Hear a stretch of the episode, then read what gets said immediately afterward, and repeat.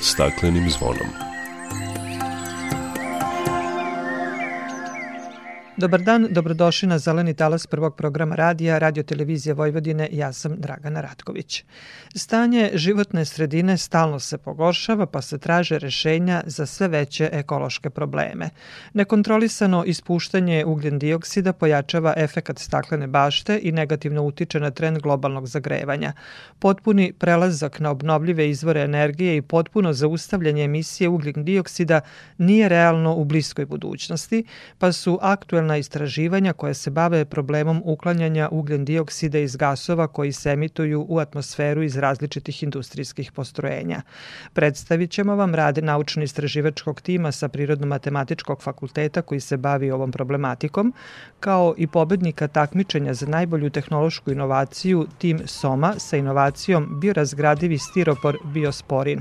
Govorit ćemo i o udruženju inženjeri zaštite životne sredine koje obeležava 15 godina godina postojanja i rada na očuvanju životne sredine, a čućete i najlepšu himnu prirodi, izrečenu mudrim rečima jednog izuzetnog čoveka, poglavice Sijetla, koji već godinama ponavljamo u emisiji na početku godine. Toliko u najavi nakon pozdravne pesme o najavljenim temama opširnije.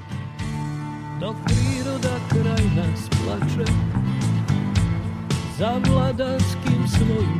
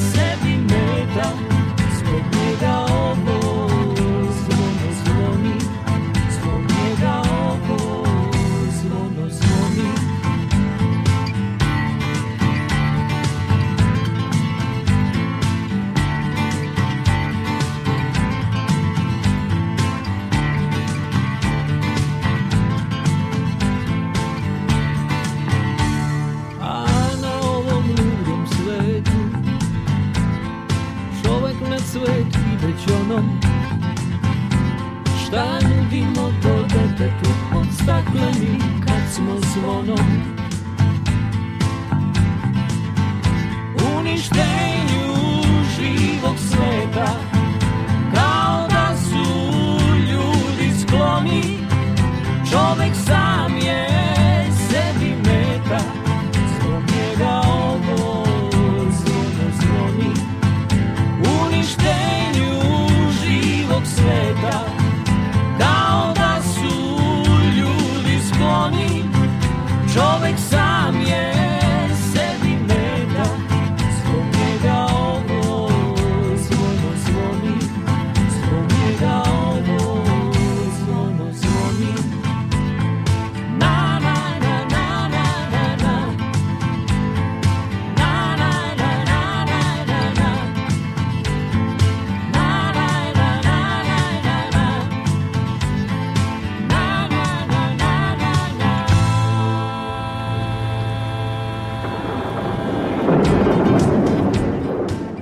Evropske unije je da se do 2030. godine smanje emisije gasova sa efektom staklene bašte za 55% u odnosu na 1990. godinu.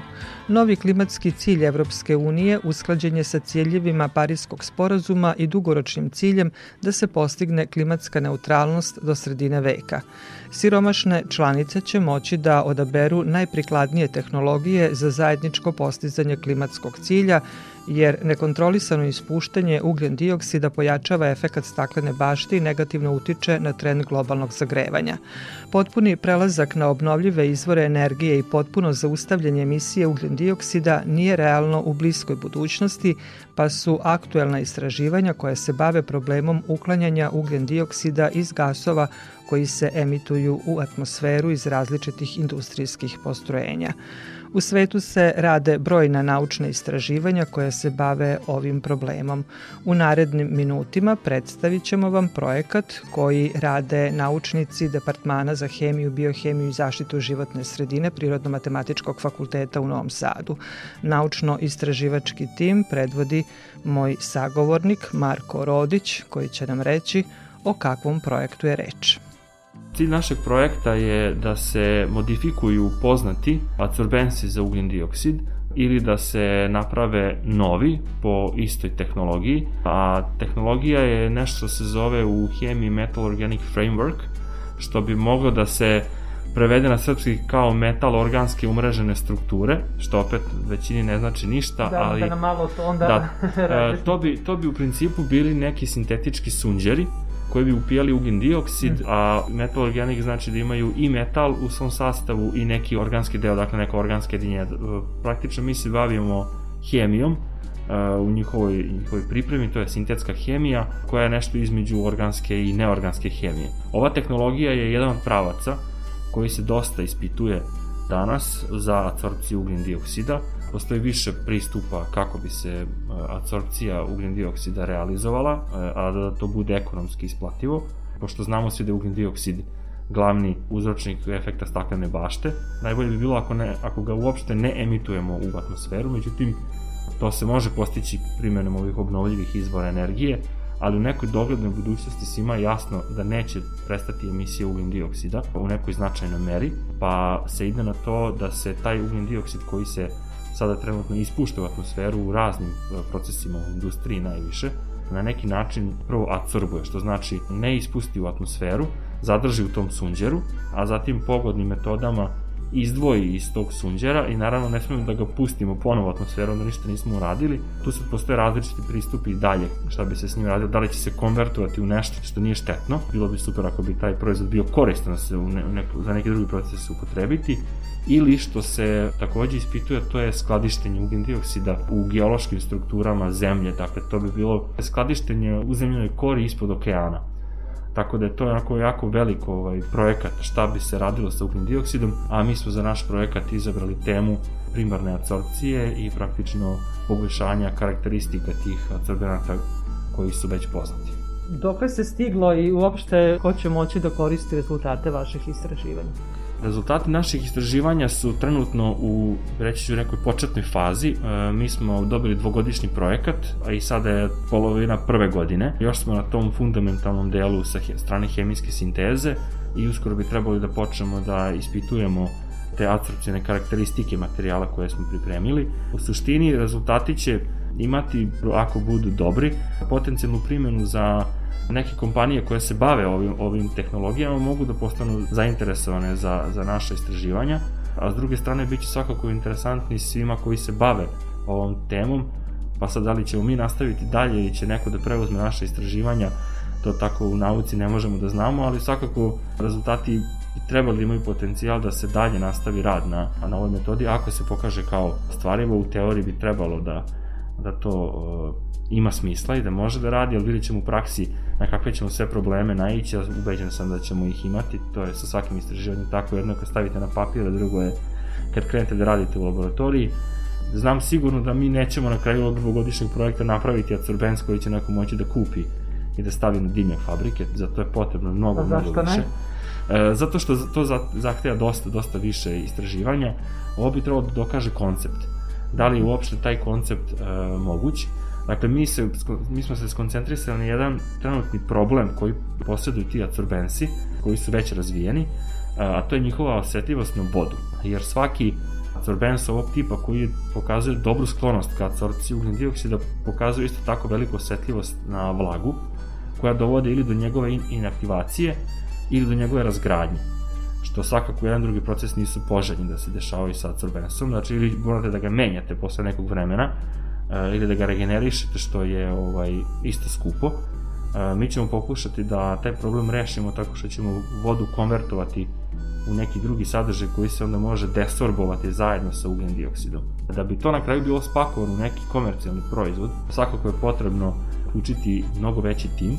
Ovi projekti su dvogodišnji i nas šest radi na ovom i svi smo hemičari. Za neko veće istraživanje potrebno je praviti pilot projekat gde bi trebalo da budu uključeni ljudi koji se bave i hemijskom tehnologijom, koji bi znali da izrade i absorbense u smislu koji bi mogli na kraju da se stave na neki dimnjak i tako dalje. I na kraju treba ispitati kad takav jedan proizvod definiše kakva je njegova ekonomska isplativost, ali koliko on košta, koliko koštaju absorbensi, da li će tu imati nekih nedostataka ili ne, ali prosto to, to je sada nemoguće predvideti Tako da ideja po oceni ovih koji su nam dodelili projekat je dovoljno dobra da u nju vredi uložiti novac za, za istraživanje, pa mi se nadamo da će rezultati opravdati uloženo. U svetu se mnogo na tome radi i poslednja vest koju sam pročitala baš u vezi sa razgradnjom ugljen dioksida i odnosno smanjenjem ugljen dioksida je da su naučnici uspeli do duše u laboratorijskim uslovima, još na tome mnogo treba raditi, da menjaju metabolizam bakterija koji razgrađaju ugljen dioksid koji nastaje u proizvodnji čelika bakterije razgrađuju u biogorivo etanol. Da, to, to je jako interesantno. Međutim, recimo, nama kao hemičarima to je sad potpuno drugačiji pristup, jeli, ali sasvim opravdan, opravdan razmišljati na tu temu i, i sa strane biologije. Zašto da ne, ako može se iskoristi uh, nešto što je živi svet ili bakterija koja će da onda promeni svoj metabolizam da bi mogla da praktično konzumira uh, ugljen dioksid to je svakako pohvalno da, da se rade i takvo istraživanje, jer ja mislim da verovatno neće biti jedno rešenje problema, već će za, za globalno rešavanje biti potrebno više različitih tehničkih rešenja u zavisnosti tog koja skala, koja količina ugljen dioksida treba da se da se ukloni u kom vremenskom periodu. Naprimjer, moguće je da neka tehnologija je jako efikasna, ali je mnogo skupa. S druge strane, neka može biti manje efikasna, ali je dosta jeftinije i sad tu isto treba vagati taj taj ekonomski faktor u, u, u, u, u celoj, celoj priči. I uzeti u obzir efekt koji bi trebalo postići, a to je da smanjimo emisije gasova sa efektom staklene bašte, kažu Evropska unija do 2050 godine planira da bude karbonski neutralna. Tako je, to je, to je dugoročni plan, oni to zovu Go Green, dakle da se praktično sumorni efekt bude emisija nula. Dakle, da nemamo povećanja emisije ugljen dioksida, a treba raditi naravno na spuštanju emisije, to sad zahteva i promenu možda samih tehnoloških postupaka u, u celoj industriji, što je svakako skupo e, i ne tako, ne tako isplativo, ali na dugi, duge staze definitivno mora da se razmišlja o tom, jer vidimo i sami da pravimo veliki problem planeti sa trenutnim postupcima. Nadam se da će sva ta istraživanja pa i ovaj projekat na kojem vi radite doprineti tome da smanjimo emisije ugljen dioksida u budućnosti. Ja se iskreno nadam i e, mogu vam prilikom da se zahvalim Fondu za nauku Republike Srbije koji nam je omogućio finansijsku potporu za ovo istraživanje. Hvala lepo. Hvala.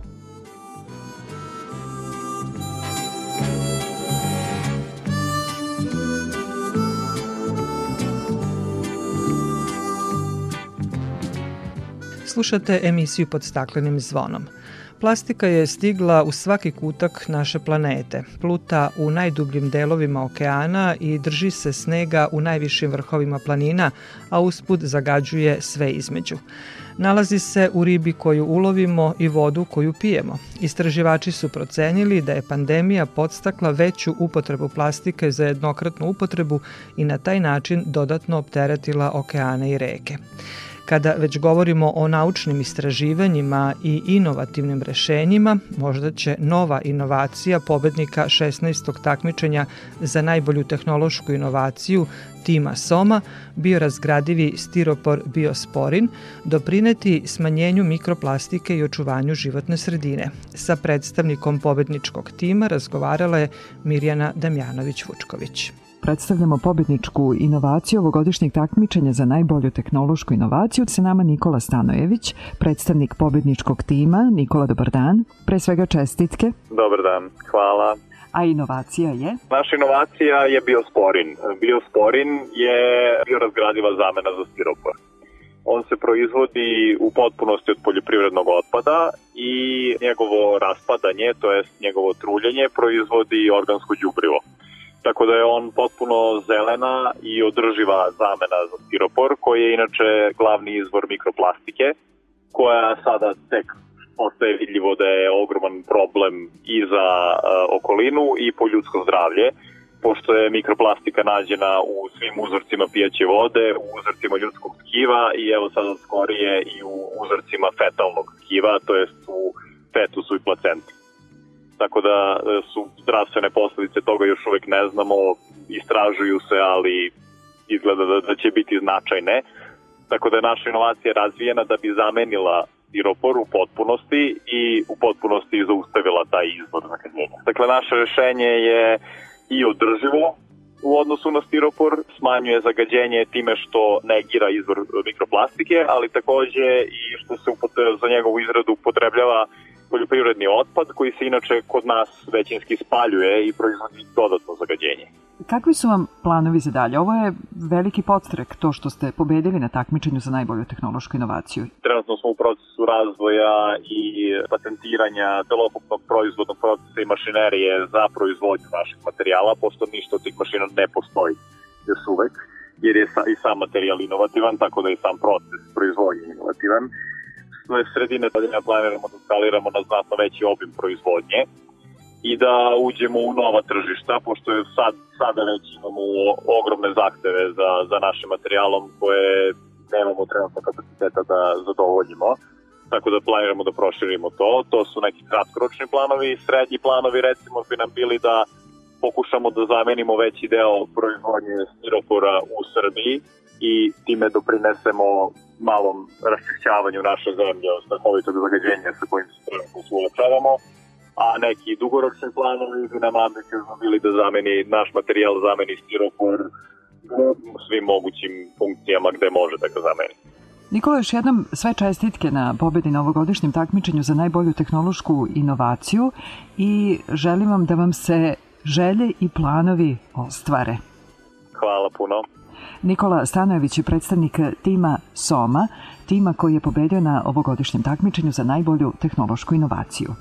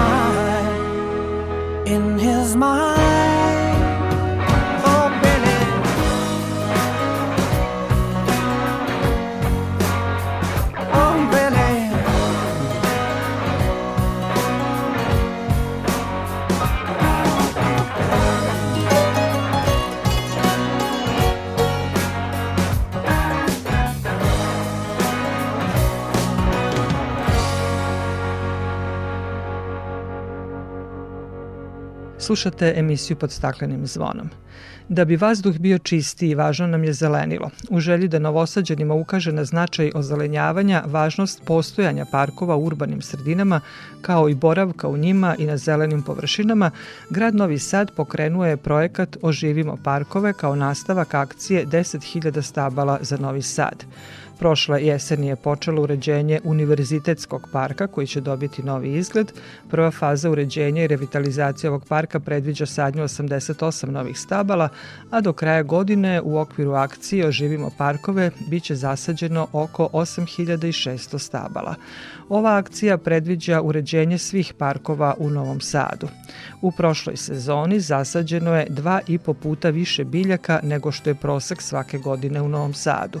Aktivnosti na ozelenjavanju i uređenju parkova se nastavljaju i ovoj godini, kaže Jelena Budimčić, pomoćnica direktora u javnokomunalnom preduzeću Zelenilo kako smo i u prošloj godini, a i onoj prethodnoj radili na tome da se uveća broj zelenih površina u gradu, tako nastavljamo i u ovoj novoj 2021. godini. Projekti koji su započeti u prethodnoj godini se nastavljaju i u ovoj. U Futoškom parku ovde smo velik broj sadnica posadili u prethodnom periodu. Park je rekonstruisan u svakom smislu te reči. Rekonstruisani su travnjaci, posađeno je veliki broj sadnica sadnica šiblja, orezane su suve i bolesne grane na stablima kako bi se održala na već postojeća i 113 novih mladih sadnica drveća smo posadili u parku. Ono što je plan za ovu godinu što se tiče Futoškog parka, s obzirom da se radi o zaštićenom spomeniku prirode, jeste da se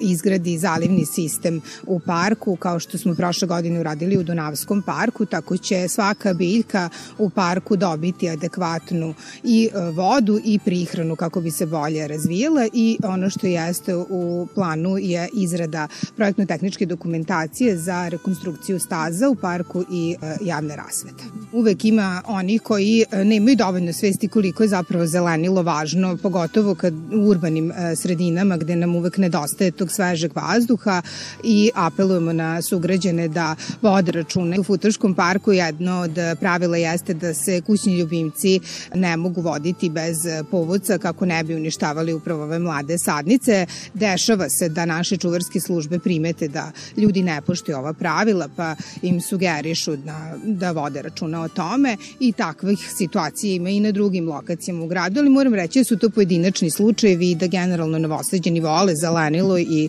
vode računa o tome.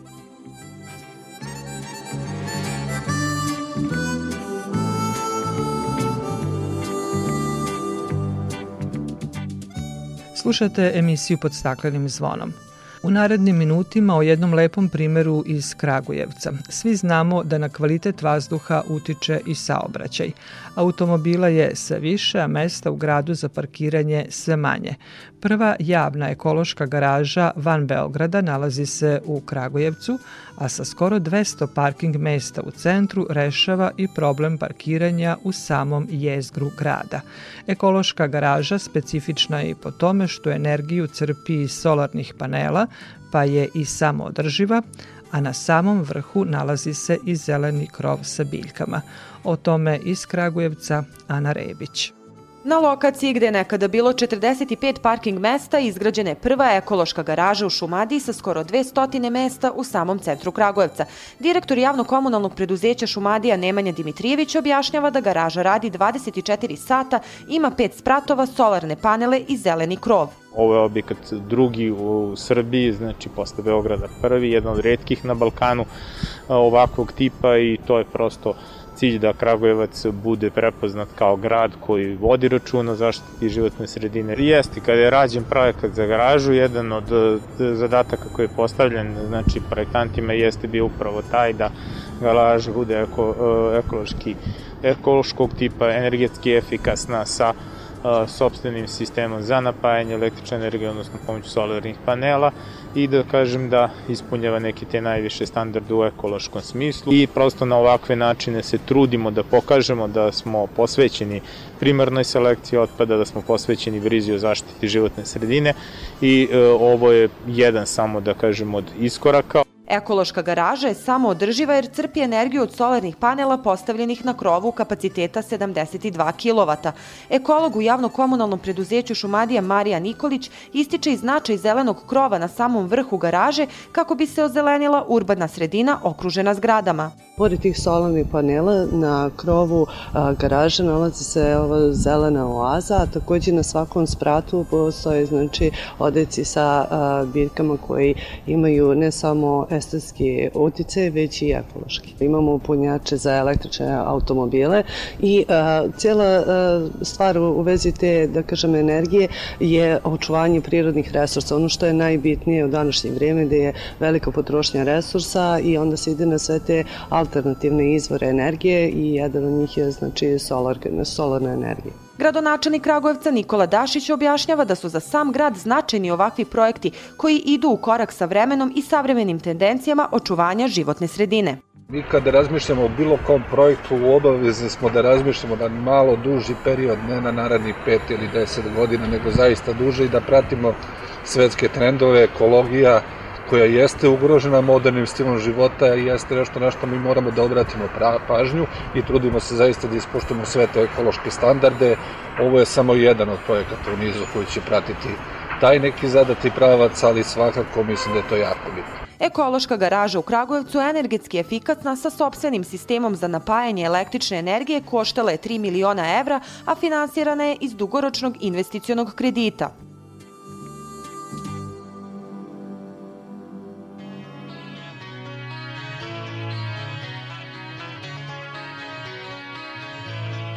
All the leaves are brown, and the sky is gray.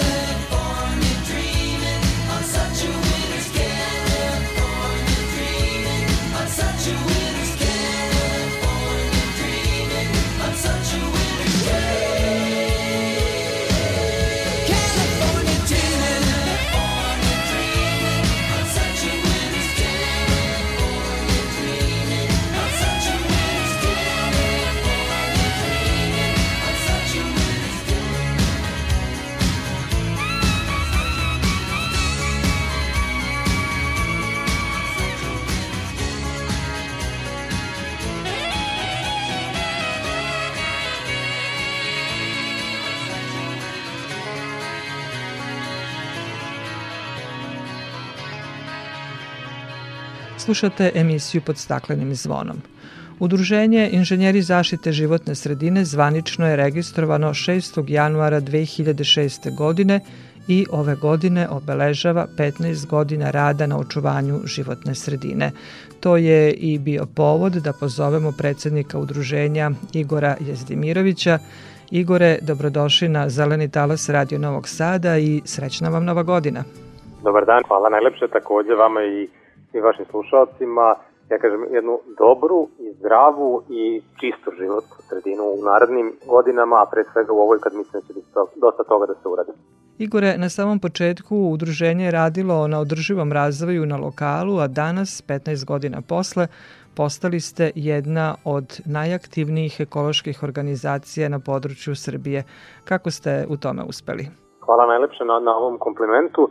Pa evo, za ovih 15 godina našeg grada trudili smo se da struka dođe u prvi plan, tačnije da sve ona znanja koje smo uspeli tokom svog rada da prikupimo kako od domaćih stručnjaka, tako i iz inostranstva od naših partnera, prenesemo i pokušamo da ukažemo koliko bi boljitka bilo kada bi se to primenilo kako u našoj lokalnoj zajednici u Novom Sadu, onda u Vojvodini i u Srbiji. To je nešto što smo tokom ovih 15 godina negovali i gledali smo da usmerimo svu svoju pažnju pre svega u dve osnovne ciljne grupe. Jedno su donosioci odluka, jer nažalost u velikoj meri su oni koji nam kreiraju celokupnu budućnost, a s druge strane to su bili mladi upravo iz njihovog entuzijazma, jer mladi su neko ko želi promenu, ko razume promenu i vrlo brzo je spreman da odreaguje. Tako da su rad sa te dve ciljne grupe bili osnova nekih naših aktivnosti prethodnih 15 godina, a naravno, pored tog prenosa znanja i informisanja, ove dve ciljne grupe dobro što smo posvetili pažnje i saradnji sa medijima, bez kojih verujemo da nema samih promena u zaštiti životne sredine, jer niko bolje od medija ne može da dopre do šire javnosti i da objasni ključni problem, a to jeste da bez zdrave životne sredine nema nažalost i zdravlje nacije. Tako da ćemo morati mnogo više o tome još da radimo da bi upravo ta poruka da ukoliko je otpad oko nas, on se nalazi i u nama, dođe do svih kako bi se upravo oni koji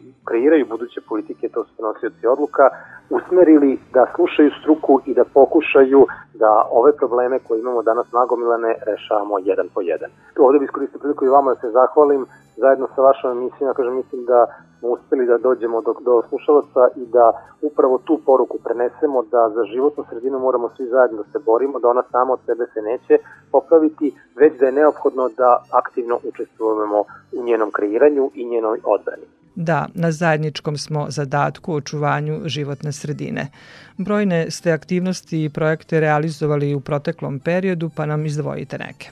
Tokom ovih 15 godina, pored izrade i učestvovanja u različitim e, strateškim dokumentima pokušajući na taj način da struku donesemo što bliže onome što će se realizovati, pokrenuli i mnogi projekte koji su danas postali tradiciju. Možda ono što je najnovoseđenima najbliže jeste ta akcija koju e, zamene starog papira za sadnice, koju nažalost prošle godine nismo mogli da realizujemo, nadamo se da će ove godine biti realizovana gde su upravo svi oni koji su želeli mogli da donesu stari papir i da ga zamene za sadnice tokom manifestacije Novosadska jesen i Novosadsko proleće koje realizuje pokret Gorana Novog Sada, tako da je to jedno partnerstvo koje smo negovali upravo u želji da skrenemo pažnju na problem nedovoljne pošumljenosti cele Vojvodine i nedostatka zelenih površina i u samom gradu Novom Sadu.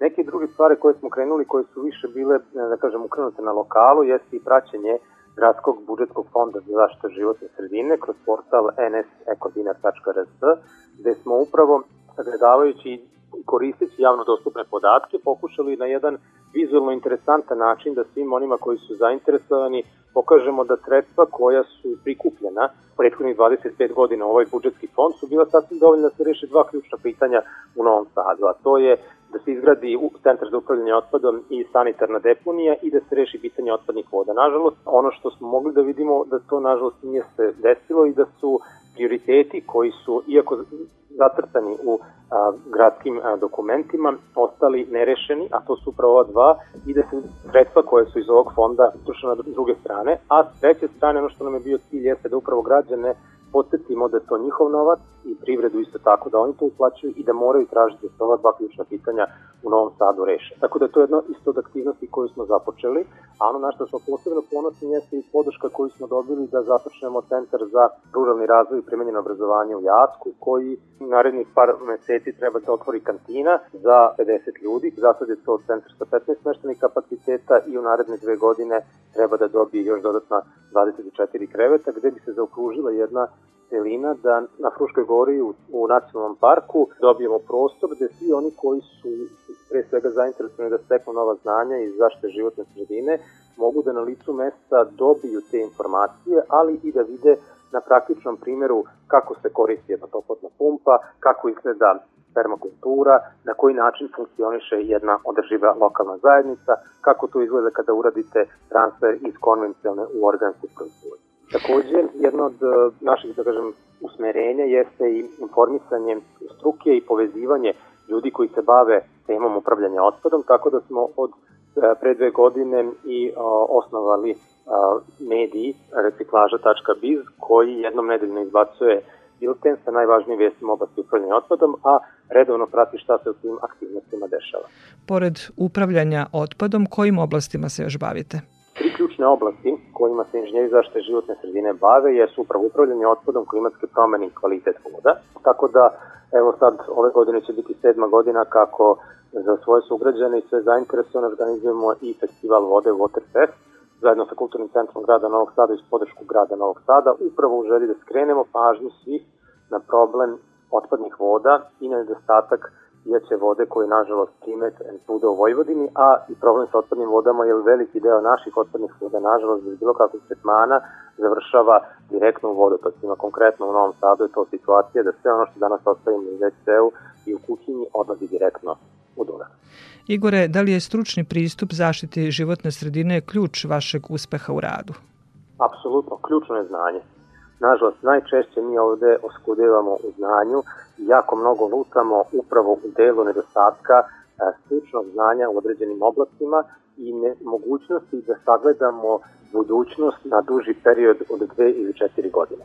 A životna sredina, kao što je počela da se dugo degradira, tako je još potrebnije duže vreme da se ona vrati u pravobitno stanje, a za to su znanje je ključni resurs. Nažalost, veliki broj stručnjaka i odlazi iz zemlje, a s druge strane postoji i pozitivna stvar jeste što ti stručnjaci koji odu kada ostanu povezani sa nama sa udruženjem, svoje znanja koje stiču po Nemačkoj, po Švajcarskoj, po Francuskoj, koji mogu da nam prenesu i da ovde pokušamo da implementiramo pozitivne stvari koje su se u tim zemljama pokazale kao dobre. Mi sa količinom znanja koje posjedujemo moramo mnogo više još uložiti da se ono napredi, jer samo dobrim znanjem možemo da ostvarimo kvalitetne resurse i verujem da je to jedan od recepata za uspeh svih organizacija. Neophodno je znanje i stručnost, ali često ističete da se u svom radu oslanjate i na pismo indijanskog poglavice Sijetla iz 1854. godine, koja predstavlja, kako kažete, manifest duhovno superiornih domorodaca nad osvajačima sa primitivnim odnosom prema majci prirodi. Filozofija koja je u tom pismu pokazana je nešto čemu treba da težimo, jer ono je apsolutno u suprotnosti onim što mi danas imamo kao primer. Narodi koji su živeli u skladu sa prirodom, koji su prirodi razumeli, oni su vrlo jednostavno mogli da ne razumeju kako je to možeš da posjeduješ svež vazduh, čistu vodu ili tvrgod ptica. To je ono što je u osnovi filozofije inženjera životne sredine, jeste da priroda pripada svima nama i da je ona sastavni deo nas, da je ona naša majka i da na taj način moramo se prema njoj odnositi. Čuvati je kao što ona čuva nas. Sve ono što se desi majci prirodi desit će se svim ljudima na zemlji. To je upravo poruka kroz koju smo krenuli i to je ono zašto i danas obilje a, mladih ljudi punih energije želi da da doprinos da se nastavi sa unapređenjem životne sredine, da li kroz našu, da li kroz druge organizacije, jer shvatajući upravo to, da ono što se desi u životnoj sredini ono što su indijanci personifikovali u majku prirodu, dešava se i svima nama. To nažalost danas možemo i da vidimo, da zagađeni vazduh nije samo zagađeni vazduh zbog prirode i da ne štitimo taj vazduh u prirode, nego da on direktno utiče na naš pulmološki kardiološki sistem da na taj način direktno sami sebe trujemo. To ono što su indijanci indijanski poglavica Sjetl na taj način kroz pismo jako lepo objasnio da on ne razume uopšte kako prirodno dobro kao takvo koje pripada svima može biti privatizovano. Nažalost, mi danas prolazimo, evo, nekoliko vekova posle toga prolazimo kroz bolnu suštinu svega toga, da imamo da se delovi nacionalnog parka ograđuju, da priroda ne može normalno da koristi svoje tokove koje imala i da jednostavno ćemo doći u situaciju da ono što je zajedničko dobro će pripadati u zavisnosti jednog ili drugog koliko možete ekonomski da ga platite. Igore, hvala lepo za razgovor sa željom da i u narednom periodu nastavite svoju borbu za zdraviju i čistiju životnu sredinu i da svojim radom i stručnošću doprinesete smanjenju štetnog uticaja nas ljudi na prirodu i životnu sredinu. Hvala najlepše zajednički smo na tom putu i verujem da ćemo u tome uspeti.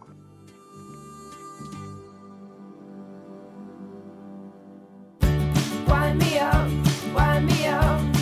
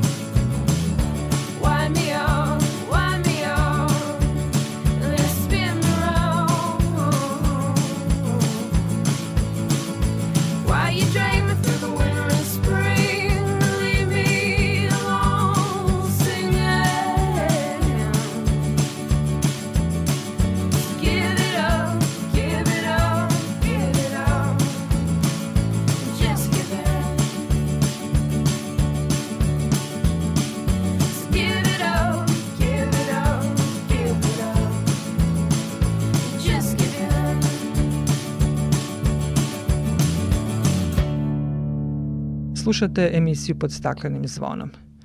Čuli ste, filozofija rada inženjera zaštite životne sredine oslanja se i na pismo indijanskog poglavice Sijetla koje predstavlja, kako kažu, manifest duhovno superiornih domorodaca nad osvajačima sa primitivnim odnosom prema majci prirodi. Predsednik Sjedinjenih američkih država, Franklin Pierce, ponudio je 1854. godine da država otkupi veliki deo indijanske zemlje, a indijanskom narodu je obećan rezervat. Na tu ponudu je dobio odgovor od poglavice Sjetla koji se ubraja među najlepše i najdublje misli ikada izrečene o čoveku, prirodi i čovekovom mestu u njoj. Decenijama svetom kruži snažna i poetična poruka o prirodi i nama, izrečena mudrim rečima ovog izuzetnog čoveka, poruka koja je svojevrsna oda prirodi i životu. Mnogi su već čuli te izuzetne reči, ali ih svake godine ponavljamo zbog njihove dubine i lepote jer moraju naći stalno mesto u našem pamćenju. Tekst čita Duško Vujović.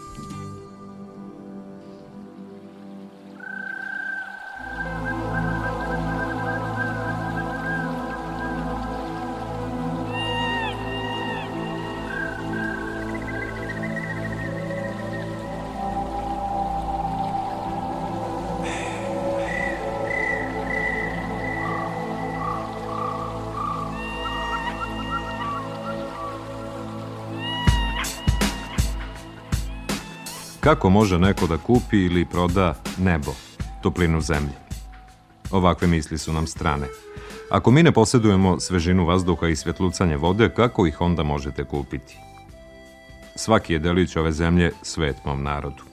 Svaka blistava borova iglica, svaka peščana obala, svaka izmaglica u tami šume, svaki insekt koji zuji sveti su u mislima i u životu mog naroda. Sokovi koji protiču kroz drveće nose uspomenu na moj narod i njegovo iskustvo. Sokovi koji protiču kroz drveće nose uspomene crvenog čoveka. Mrtvi bladoliki zaboravljaju zemlju svog rođenja kada odu u šetnju među zvezde. Naši mrtvi nikada ne zaboravljaju ovu predivnu zemlju, jer ona je mati crvenog čoveka. Deo smo zemlje i ona je deo nas. Mirišljavi cvetovi su nam sestre, jelen, konji, veliki orao, braća su nam. Stenoviti vrhovi, sokovi poljana, toplota ponijevog tela i čoveka, svi pripadaju istoj porodici. Zato kada veliki poglavica iz Vašingtona šalje svoj glas da želi da kupi našu zemlju, previše od nas traži. Veliki beli poglavica poručuje da će nam sačuvati mesto na kojem ćemo lepo živeti. On će nam biti otac, mi njemu deca. Zato ćemo razmotriti ponudu da kupite našu zemlju. Ali to neće biti lako. Jer ova nam je zemlja sveta. Ova blistava voda što teče brzacima i rekama nije samo voda, već i krv naših predaka. Ako vam prodamo zemlju, morate upamtiti da je to sveta krv naših predaka. Ako vam prodamo zemlju, morate upamtiti da je ona sveta i morate vašu decu naučiti da je ona sveta i da svaki čarobni ocijaj u bistroj vodi jezera govori nešto o događajima iz života mog naroda. Žubor vode glas je oca moga oca. Reke su naše braća, utoljuju nam žeć.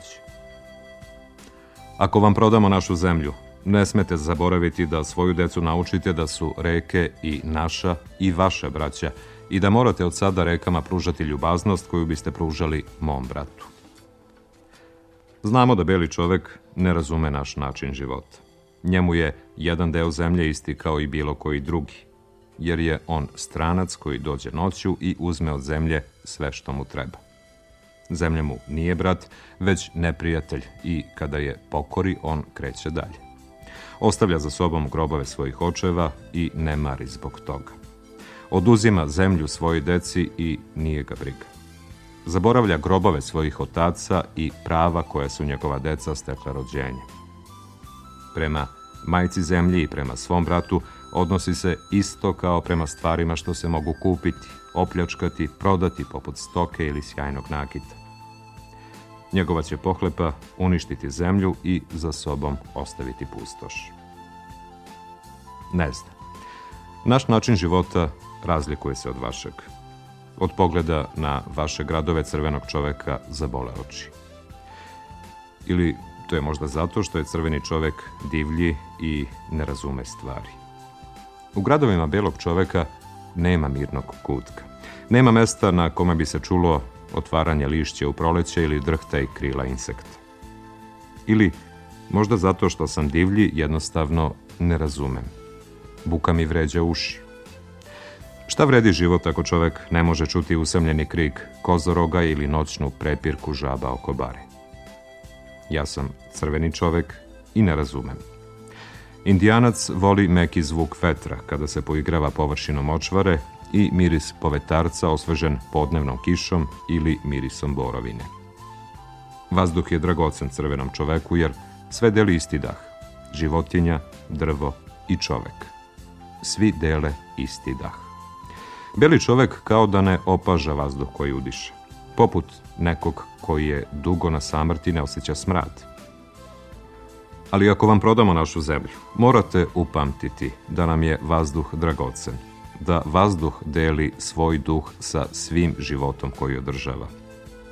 Vetar, što je mome dedi dao prvi dah, prihvatit će i njegov poslednji izdah.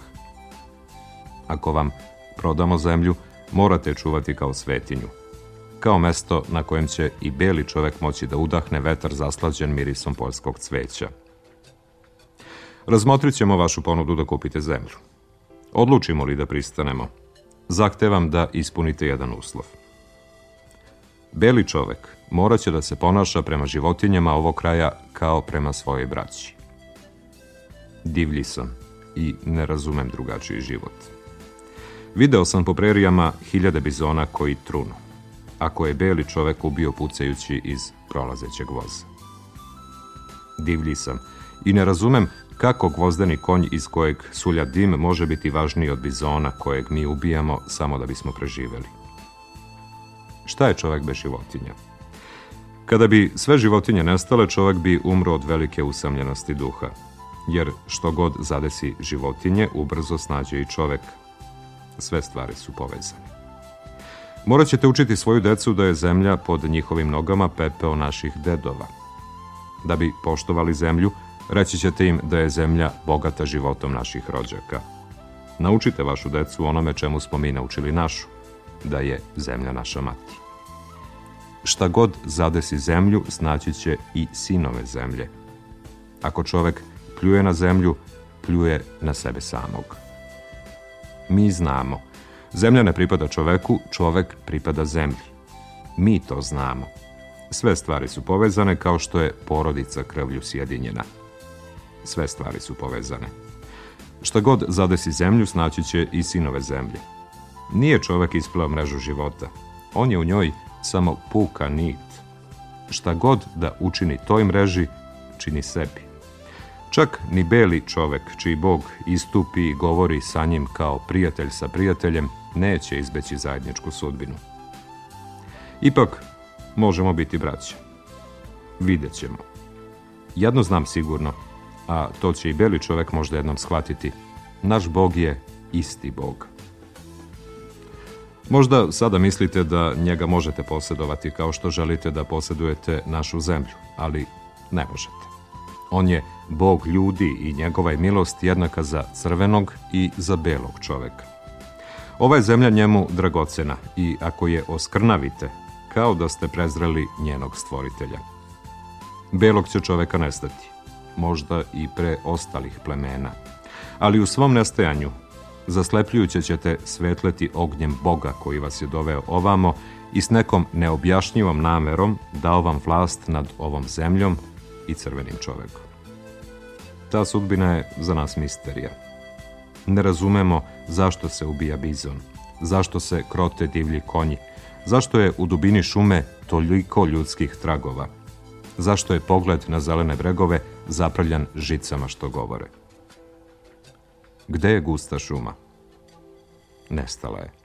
Gde je orao? Odleteo. Življenju je kraj. Počinje borba za opstanak.